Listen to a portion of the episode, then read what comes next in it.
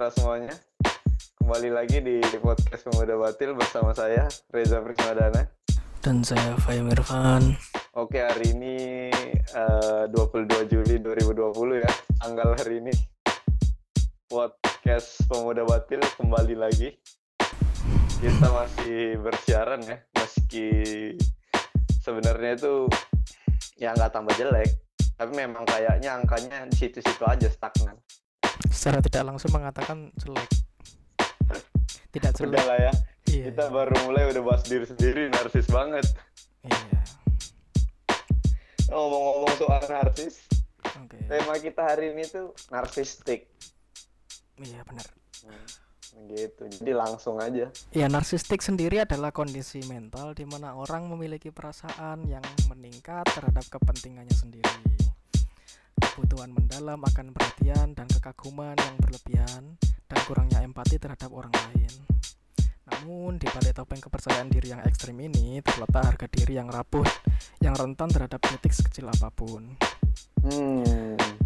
Gangguan kepribadian narsistik menyebabkan masalah di banyak bidang kehidupan seperti hubungan sosial, hubungan dengan rekan kerja, atau hubungan di sekolah dan lain-lain. Oke. Pokoknya hubungan dengan sosial lah. Iya, iya, iya.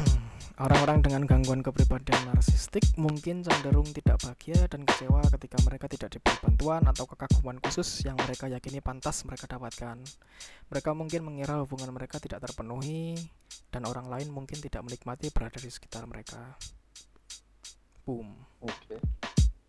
Nah, sedangkan menurut Institut Kesehatan Mental Nasional ya atau the National Institute of Mental Health itu memperkirakan bahwa sekitar 9,1 persen orang dewasa di Amerika Serikat itu mengalami satu jenis gangguan kepribadian. Sebanyak 6,2 persen itu mengalami gangguan kepribadian narsistik.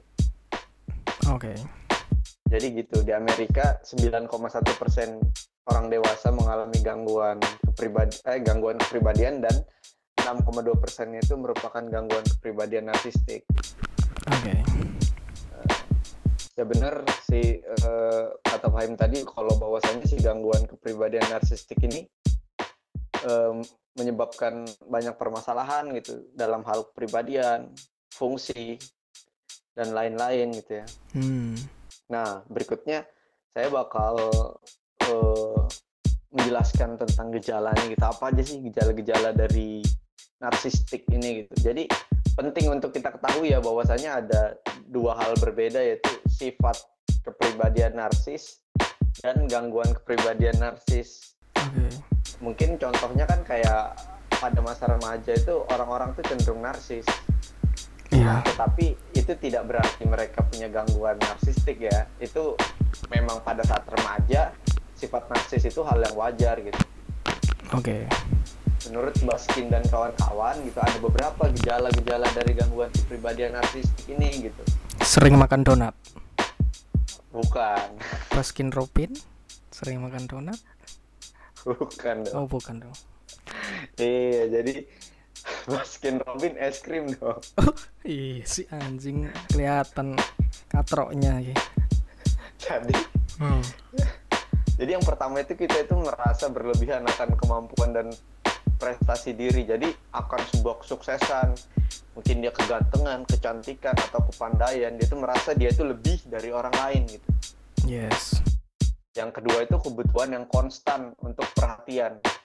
Eh, jadi dia tuh pengen dapat validasi, pengen dapat apa komplimen, pujian Hmm. eh, dari orang-orang di sekelilingnya dia gitu. Hmm. Yang ketiga, itu keyakinan bahwa dia itu unik dan istimewa. Juga karena dia merasa unik dan istimewa, jadi dia hanya mau bergaul dengan orang yang unik dan istimewa juga. Wadidaw. Yang keempat, eh, yaitu fantasi tentang mencapai kesuksesan gitu.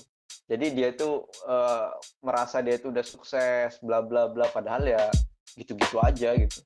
Hmm. merasa dia lebih sukses dari orang sekeliling padahal enggak gitu kan terus tuh eh, yang kelima eh, orang dengan gangguan kepribadian narsistik ini memanfaatkan orang lain untuk keuntungan pribadi. Oke. Eh, yang keenam mereka karena mereka merasa istimewa jadi mereka suka meminta perlakuan istimewa gitu. Gak mau diperlakukan sama dengan orang-orang lain tuh. Pokoknya aku ini spesial aku istimewa gitu. Merasa spesial berarti wah. Iya merasa spesial. Udah kayak martabak ya. Spesial. Iya Eh, kemudian berikutnya itu yang ke tujuh itu merasa iri pada orang lain dan meyakini bahwa orang lain tuh iri padanya. Oh. Padahal ya biasa aja, cuman di kepalanya hidup tuh kalau orang lain tuh iri ke dia gitu. Iya. Dan yang terakhir yang kedelapan tuh ada kurang empati terhadap orang lain. oh Seperti itu. Nah, dan eh, dari delapan gejala tadi itu tidak bisa dijadikan patokan juga karena kan diagnosis resmi ini hanya dibuat oleh profesional, mungkin psikolog atau psikiater atau orang yang punya kualifikasi khusus lah ya dalam hal gangguan kesehatan mental gitu. Hmm, halo Mas, tolong dengarkan podcast kami. Enggak, nanti ini disensor. Tenang aja disensor. tolong ya untuk mas-mas di sana ya, ya tolong lah. Enggak, enggak bercanda. Aduh ya Allah. gitu jadi gangguan eh, gangguan ini tuh dia tuh akan stabil dari waktu ke waktu gitu dan Hmm, terjadi dalam berbagai situasi ya gitu. ya. dan dia narsis ini bukan karena pengaruh dia menggunakan substansi tertentu ya memang dia ya udah narsis aja pengen gitu dapat pujian eh, merasa dirinya spesial dan istimewa dibanding orang-orang lain di sekelilingnya bla bla gitu gitu Iya. dan ada sebuah kisah tentang narsis narsistik ini gitu Iya, pernah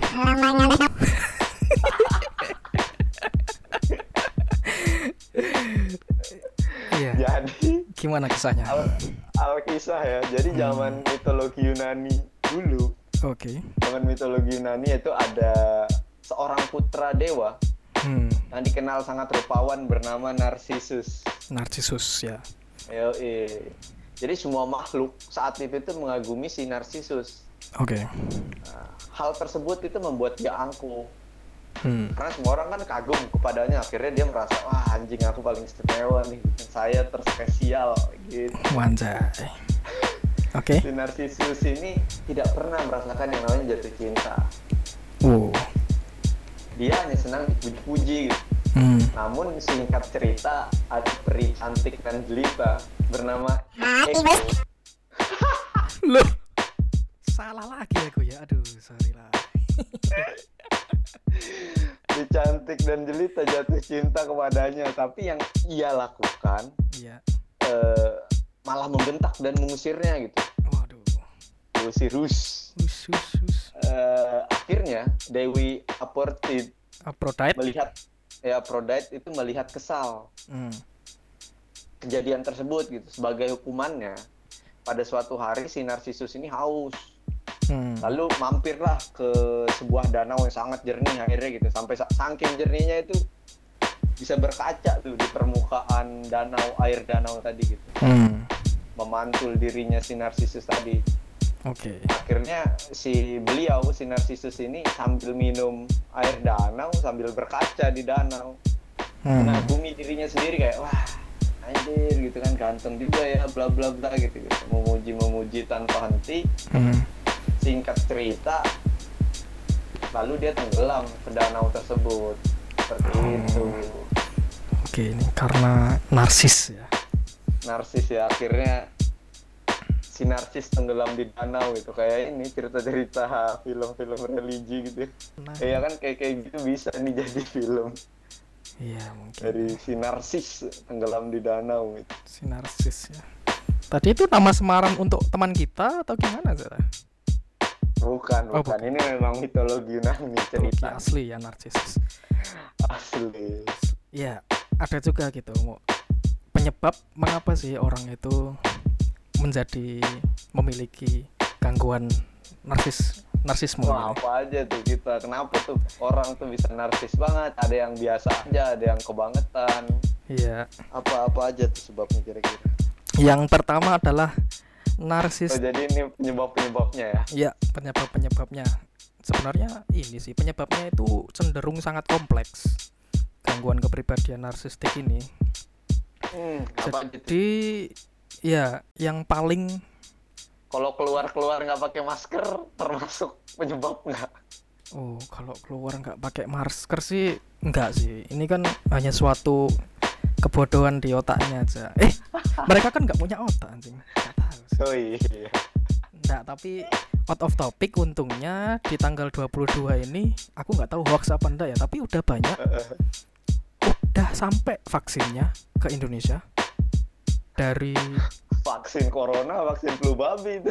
vaksin ini vaksin narsisme ini nggak vaksin corona tapi Eh. perlu di eh, ini lagi cross check lagi ya cuman lagi di apa lagi di uji gitu loh uji klinis oleh Oh, laboratorium uji klinis. di Indonesia Iya, gitu iya. jadi Takutnya nggak cocok sama di sini gitu ya. takutnya nggak cocok jadi Mm-mm. ada berita seperti itu tapi ya Ya semoga beneran lah. semoga beneran Biar cepat ketemu si vaksinnya ntar corona kalau udah ada vaksinnya udah kayak flu biasa aja. Iya. Tapi iya. Tapi nanti aku yakin dimanfaatkan Pak ini Pak. Vaksinnya nanti mahal banget nih. Ya atau gimana ya? lagi? Ya gimana? Ya gimana lagi yang miskin tidak boleh hidup ya kan? Yang boleh hidup hanya orang kaya. Hidup orang kaya. Saya juga pengen jadi orang kaya. Ye. Malah ke mana-mana bangsat. Akhirnya apa aja tuh yang namanya penyebab Ya. sampai kita kena narsistik tuh apa aja? Oke, yang pertama adalah ada yang namanya narcissistic parental value. Apa Ah. waduh parental value. Dalam- Gimana tuh parental value? Oke, dalam kasus ini eh, terdapat anak yang bertanya pada bapaknya. Karena adalah apa bersusah-susah puasa gitu ya. benar, ternyata jokesku masih nyambung jokes bapak-bapak bangsat, bangsat. Jadi merasa tua aku anjing. Kalau Anda bukan merasa tua, memang sudah tua. Emang sudah tua, enggak lah, belum, hampir. Nyaris. Garis. Oke, dalam kasus ini eh, adalah anak yang dibesarkan dalam keluarga yang sangat kompetitif dan hanya memberi penghargaan atau eh, apresiasi terhadap prestasi yang tinggi. Ja- Hmm. Jadi ibarat orang tuanya ini memiliki anggapan kayak gini. Jika kamu dalam tanda kutip anaknya, jika kamu si anak tidak bisa menjadi yang terbaik, ya kamu ini nggak ada gunanya. Waduh, saya kayak kenal sekali dengan ini. Iya ta? Ada. Siapa? Anda sendiri. Iya. Ini adalah contoh conditional love atau cinta yang memiliki kondisi atau syarat tertentu. Hmm. Jadi semisal kita ketika kita juara satu dalam perlombaan, semisal atau ranking satu dalam sekolah, kita dihujani itu dengan pujian, dengan perhatian, Oh, dibelikan oh, Apa aja apa-apa. mau dikasih gitu Benar. biasanya tuh. Nah, nanti ketika kita tidak menang atau tidak berhasil, nah perilaku orang tua seolah menunjukkan kalian ini anak yang mengecewakan gitu. Kamu itu anak yang gagal. Kamu harus juara satu, baru aku belikan, aku kasih kasih sayang gitu-gitu. Hmm, hmm. Nah, anak-anak dalam keluarga ini tidak merasa dicintai secara stabil.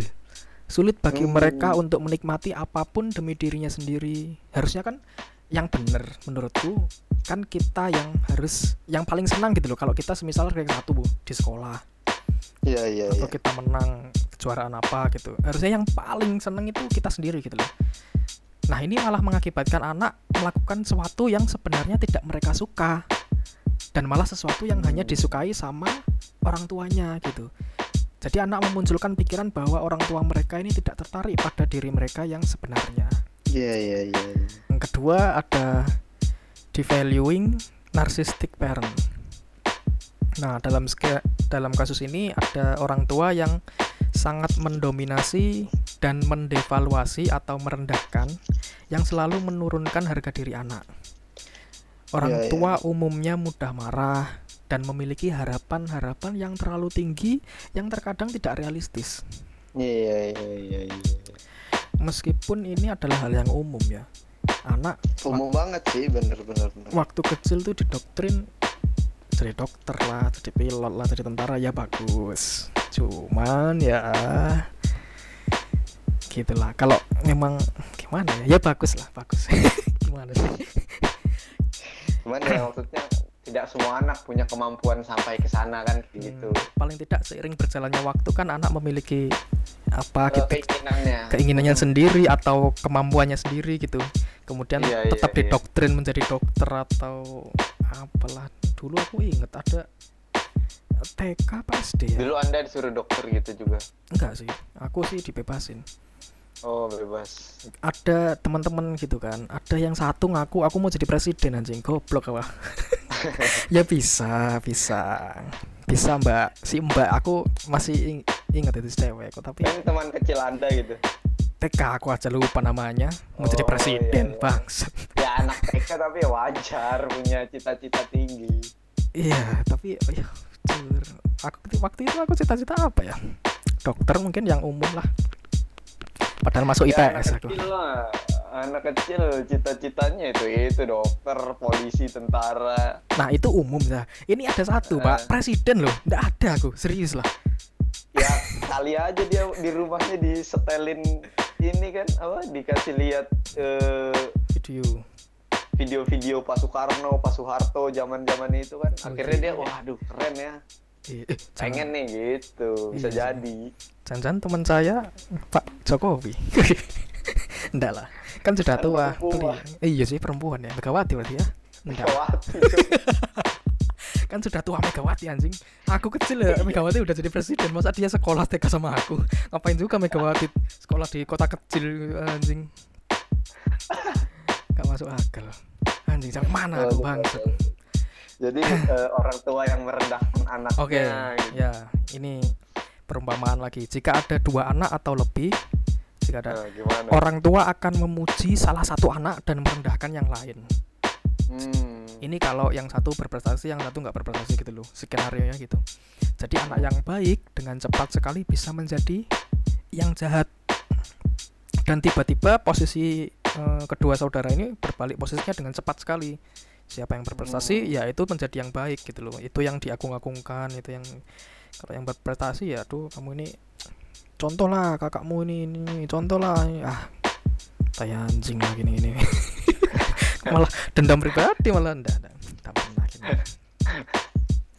enggak pernah di compare compare sih aku sama Eh, eh, Saudara. emang bahaya sih compare compare gitu kadang ke kayaknya ke saudara sendiri jarang cuman ke sepupu yang usianya sama atau tidak jauh berbeda itu nah cukup ini. sering terjadi gitu-gitu. Ini sering banget ini. Nah cuman oke lah sepupu saya itu mungkin apa gawat? Lah ya Allah aku saya di compare sama anak tetangga anjing. Apa hubungannya eh anak tetangga dengan saya?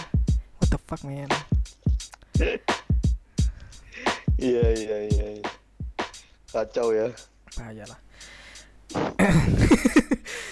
nah anak-anak yang seperti ini mun- memunculkan eh, rasa marah terhina dan merasa tidak mampu. Mereka Mhm. cenderung bereaksi terhadap situasi masa kecil mereka dengan eh, berbagai cara yang berbeda. Nah Hmm. bagaimana mereka meresponnya? Sebenarnya ada tiga tapi saya hanya menyebutkan dua karena saya malas. Tidak lah. Karena saya karena yang kedua eh, kedua perilaku ini yang memunculkan eh, kecenderungan untuk menimbulkan gangguan narsistik. Yang pertama artinya ya. oh ya apa lanjut dulu? Artinya apa nih? Pada surat al-baqarah 26 al-baqarah. Iya. Jadi yang pertama akan memunculkan anak yang rebellious child atau Hmm. anak yang rebel menentang membangkang. Iya iya pembangkang ya anak-anak ini terang-terangan menolak pesan orang tua mereka bahwa mereka adalah pecundang. Wih, gila. hmm. Sebaliknya, mereka menghabiskan eh, hidup mereka itu untuk mencoba membuktikan kepada diri mereka sendiri, dunia, dan orang tua yang merendahkan diri mereka bahwa mereka itu istimewa dan orang tua mereka ini sebenarnya salah gitu. Mereka mengejar prestasi dengan segala cara yang mereka bisa, membuktikan bahwa mereka ini istimewa. Itu menjadi misi seumur hidup. oke Jadi kayak hidupnya ini hanya untuk revenge itu, hanya untuk balas dendam. Hmm, hmm. Ah, sedih sekali. Waduh, sedih sih yang ke- bayangin gitu kan karena salah asuh akhirnya anaknya ini apa cuman untuk hidupnya nggak tenang cuman untuk dendam tadi gitu kan iya hanya untuk balas dendam membuktikan bahwasanya aku nih nggak bodoh aku Nggak nih nggak cupu. Ya mungkin bisa jadi motivasi tapi lumayan nggak sehat lah motivasinya. Iya ya motivasi yang kurang baik lah kurang baik ya. Kemudian yang kedua menimbulkan anak yang pemarah yang temperamen. Hmm, anak-anak ini tumbuh marah pada orang tua yang mendevaluasi atau merendahkan mereka. Siapa pun yang mengingatkan mereka tentang orang tua mereka dengan cara apa pun menjadi sasaran kemarahan mereka. Nah, mereka kadang-kadang menjadi yang toxic, toxic narsistik gitu. iya Nah, kemudian ini sudah ya menimbulkan eh, dua anak berbeda. Hmm. Gimana sih dua anak berbeda tuh? Pusing banget bos ke sini. Maaf ya teman-teman. Udah ngantuk nih aduh aduh aduh masa ngantuk. Kemudian poin yang ketiga adalah golden child atau anak emas. hmm. Orang tua ini biasanya mengagum-agungkan anak mereka yang sangat berbakat. Tetapi terkadang sampai terlalu berlebihan, entah terlalu sering atau terlalu tinggi. Nah, jenis idealisasi berlebihan terhadap anak sebagai sosok sempurna dan tanpa cacat dapat menyebabkan anak memiliki eh, kecenderungan narsistik di kemudian hari.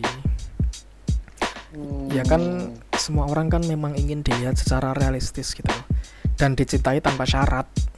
Jika anak-anak percaya bahwa orang tua mereka hanya menghargai mereka karena mereka istimewa, ini dapat berkontribusi pada rasa tidak aman yang eh, dimunculkan oleh anak gitu. Hmm, iya, iya. Kan tidak ada orang yang terus sukses dalam hidupnya kan terus berhasil gitu sepanjang hidupnya kan nggak ada. iya iya. Kecuali anaknya Kim Jong Un mungkin sukses terus ya. Kim Jong Un punya anak gak? punya ya?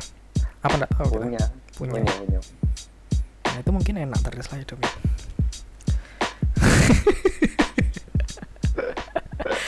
Opo hai wis. contohnya jauh banget Kim Jong Un iya biar mikir kan pendengar kita. Mikir apa? Kemudian eh aduh sampai mana ya ya?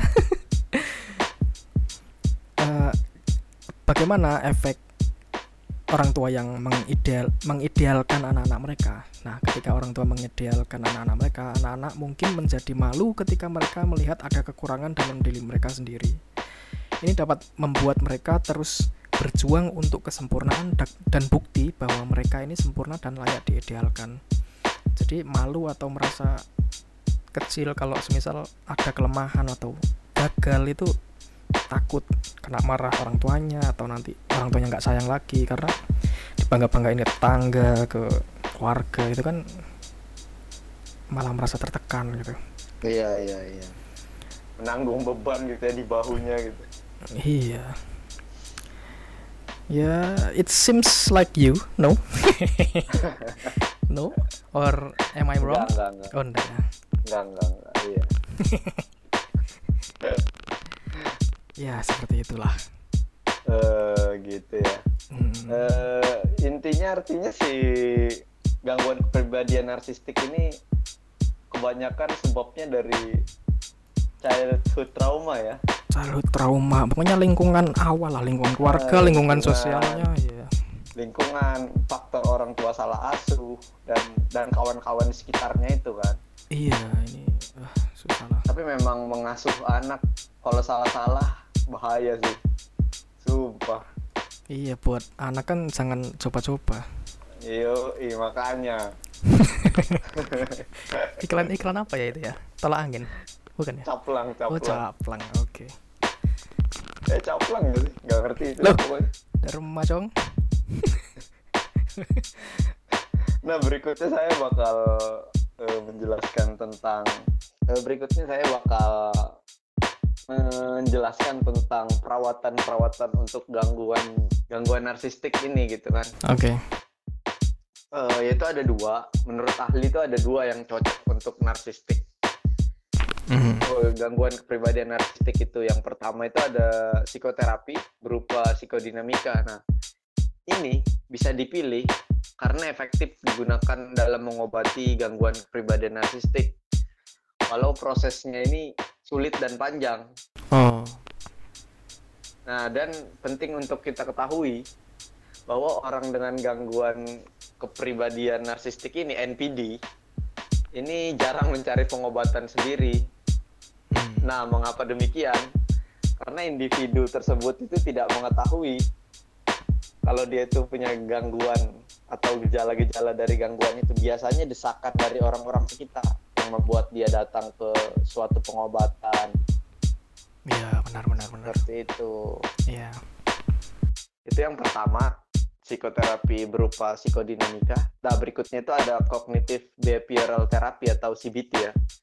Terapi jenis ini juga cukup efektif untuk membantu individu dengan NPD atau narcissistic personality disorder tadi Oke. mengubah, mengubah pemikiran destruktif dan pola perilaku. Oke. Tujuannya itu ya untuk mengubah pikiran menyimpang tadi itu dan dia kan merasa istimewa, harus dipuja-puji, Iya. harus mendapat pengakuan bla bla bla gitu-gitu. Nah, itu tujuannya kan untuk mengubah itu agar menjadi lebih realistis. Oke.